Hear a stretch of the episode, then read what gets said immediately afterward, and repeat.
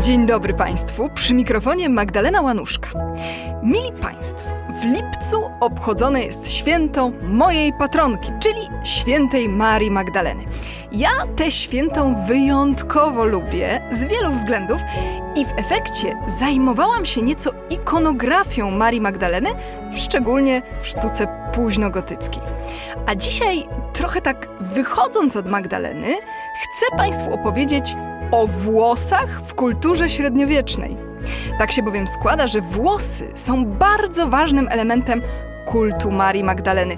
A przy okazji powiem Państwu o tym, dlaczego w średniowieczu preferowano blondynki, jakie było znaczenie rozpuszczonych włosów oraz czy kobiety wówczas się depilowały. Zapraszam do słuchania.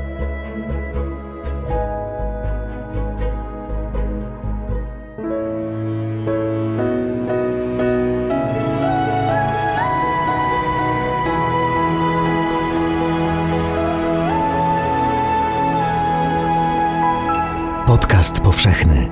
Weź, słuchaj.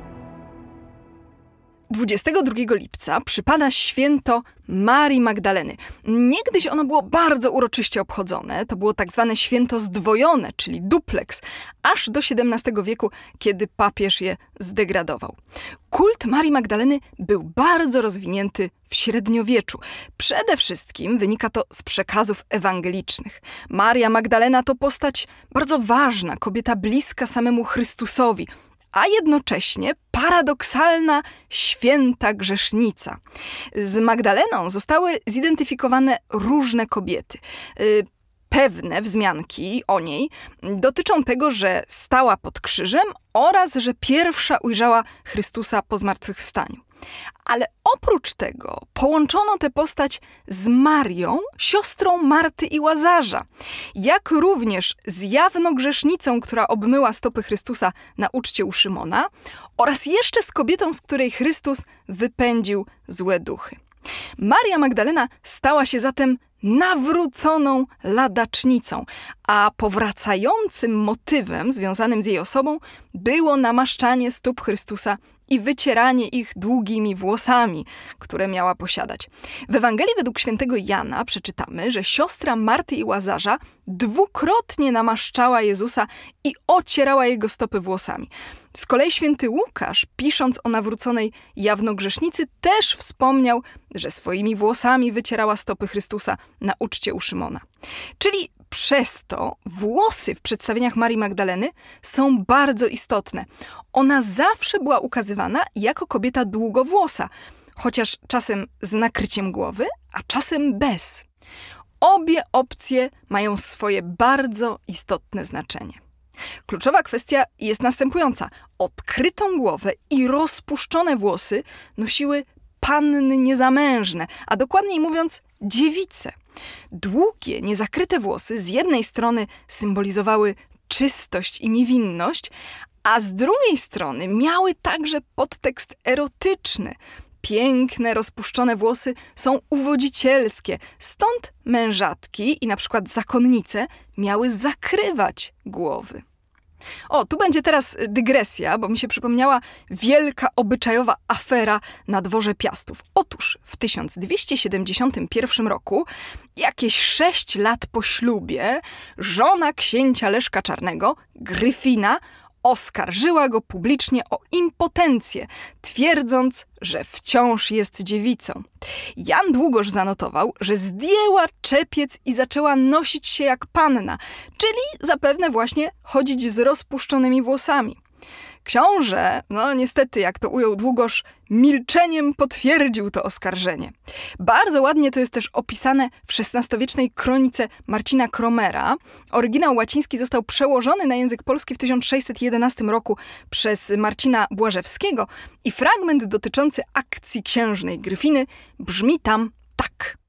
W głos oziębłość krwie mdłego męża i członków niedołęgę winując, zrzuciwszy czepiec niewieści, a ubiór panieński wdziawszy, zupełnie cztery lata z nim rozprężona była. A zatem bez czepca mamy dziewicę, No ale wróćmy do naszej świętej Marii Magdaleny. Ona dziewicą nie była. Ale uważa się, że niektóre przedstawienia Marii Magdaleny z rozpuszczonymi włosami mogą odnosić się do metaforycznego odzyskania przez nią czystości w akcie nawrócenia, gdy Chrystus wybaczył jej grzechy dawnego życia. Z drugiej strony, Maria Magdalena przez różnych kaznodziejów była porównywana do oblubienicy ze starotestamentowej pieśni nad pieśniami, no a oblubienica właśnie miała być nieskalaną panną. Jednocześnie liczne były przedstawienia Marii Magdaleny jako kobiety w czepcu. To też nie do końca sensowne, no bo nie była ona mężatką, ale to właśnie miało podkreślać, że nie była również dziewicą. Wszystko zatem kręci się wokół pokazywania lub zasłaniania włosów. W kulturze świeckiej piękne damy, o których względy walczyli rycerze, miały mieć długie włosy.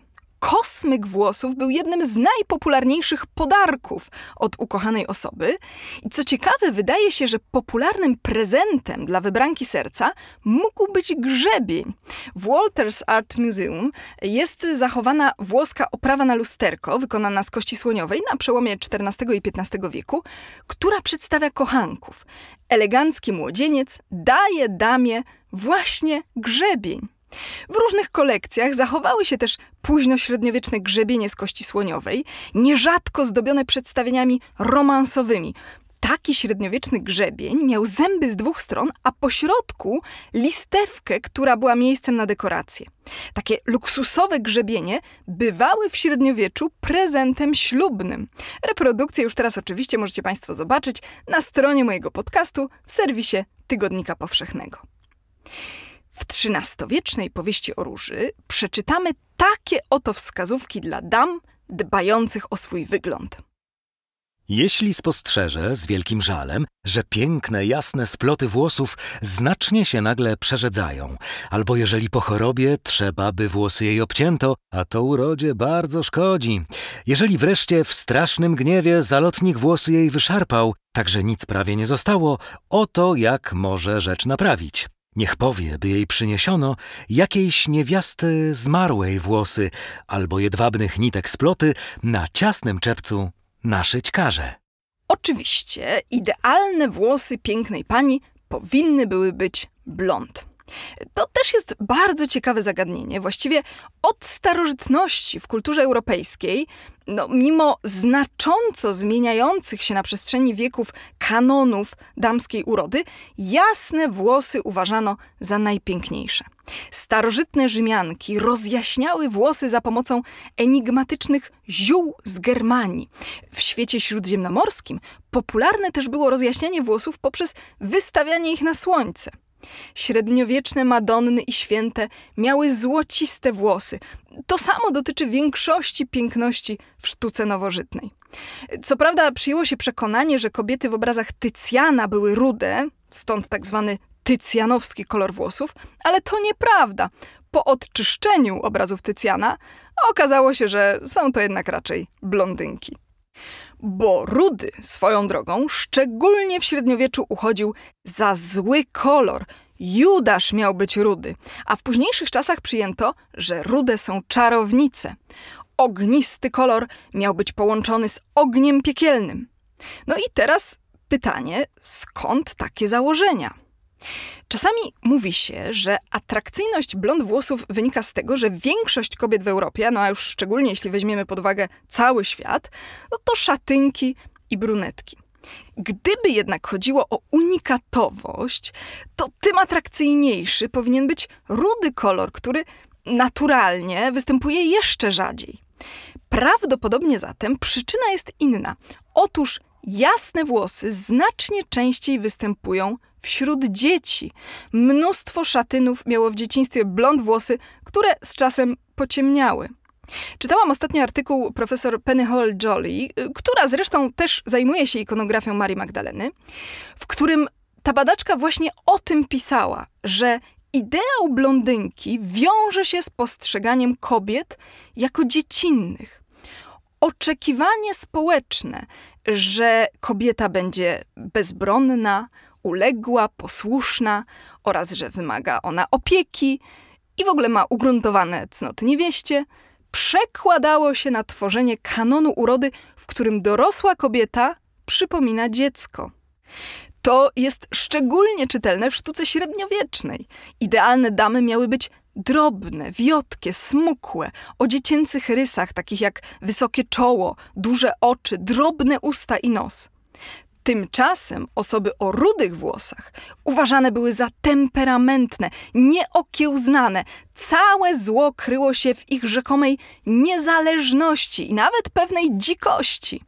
No to w sumie mogło być związane z doświadczeniami starożytnych Rzymian, którzy mieli kilka nieprzyjemnych spotkań z rudowłosymi barbarzyńcami z dalekiej północy. Sztuka powszechnie nieznana. Opowiada Magdalena Łanuszka. A teraz przejdę do kolejnego niesłychanie ciekawego zagadnienia. Chodzi o kwestię owłosienia całego ciała.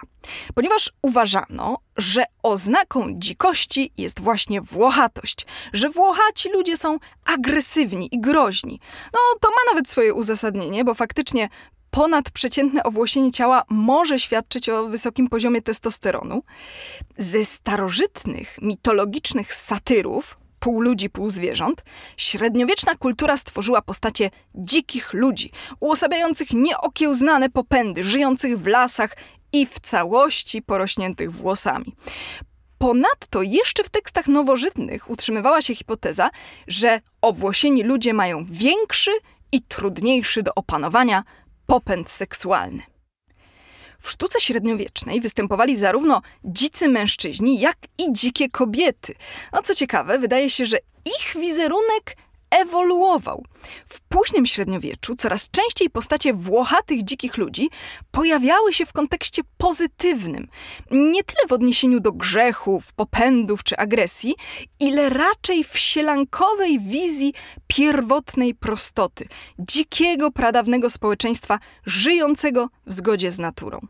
W tym samym czasie, czyli w XV i w początkach XVI wieku, bardzo popularne stały się legendy o świętych pustelnikach, którzy także ukazywani byli jako porośnięci włosami na całym ciele.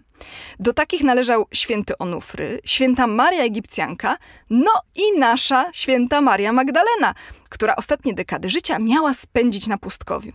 Badacze interpretują to zjawisko idealizowania dzikich ludzi i rozwoju kultu dzikich świętych w związku z przemianami społecznymi u progu nowożytności. No po prostu w zurbanizowanym społeczeństwie pojawiła się pewnego rodzaju tęsknota za pierwotną prostotą i życiem na łonie natury.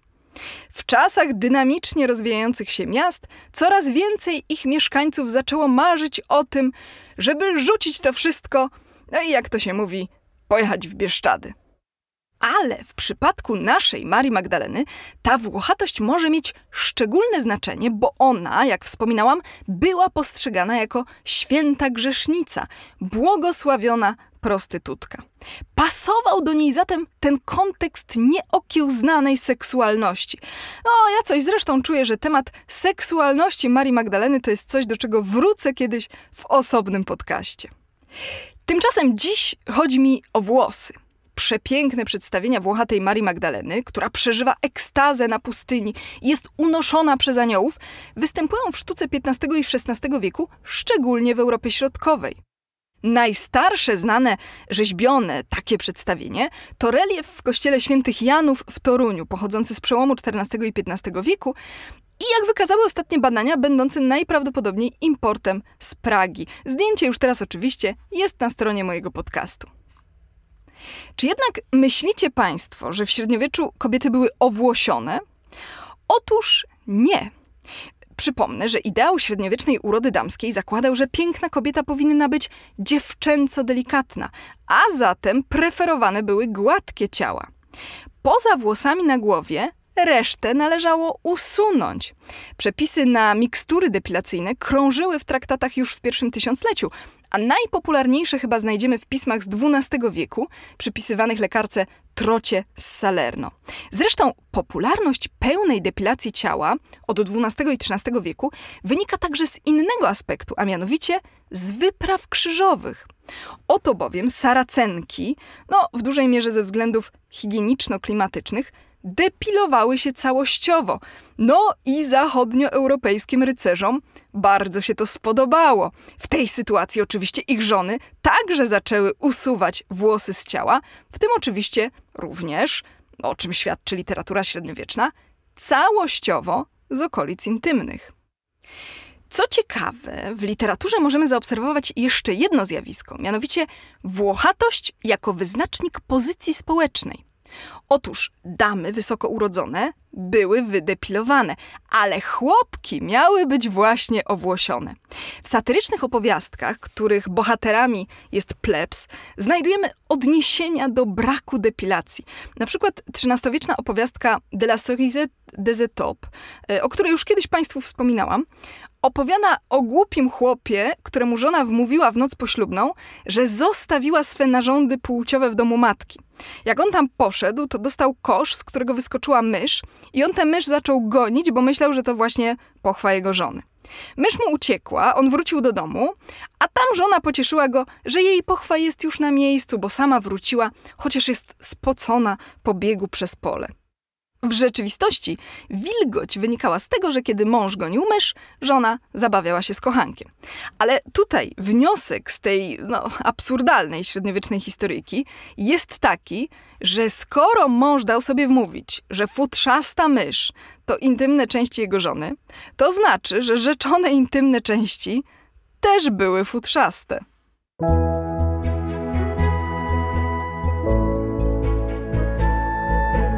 Jak powtarzam, że w średniowieczu ludzie nie żyli w brudzie, tak będę powtarzać. Kobiety nie były wtedy owłosione i zaniedbane. Wyskubywały sobie też brwi, farbowały włosy, używały kremów przeciwzmarszczkowych. A jeśli chodzi o kwestię depilacji okolic intymnych, to jeszcze na koniec polecę Państwu grafikę z przełomu XVIII i XIX wieku, która przedstawia sposób na odstraszenie diabła.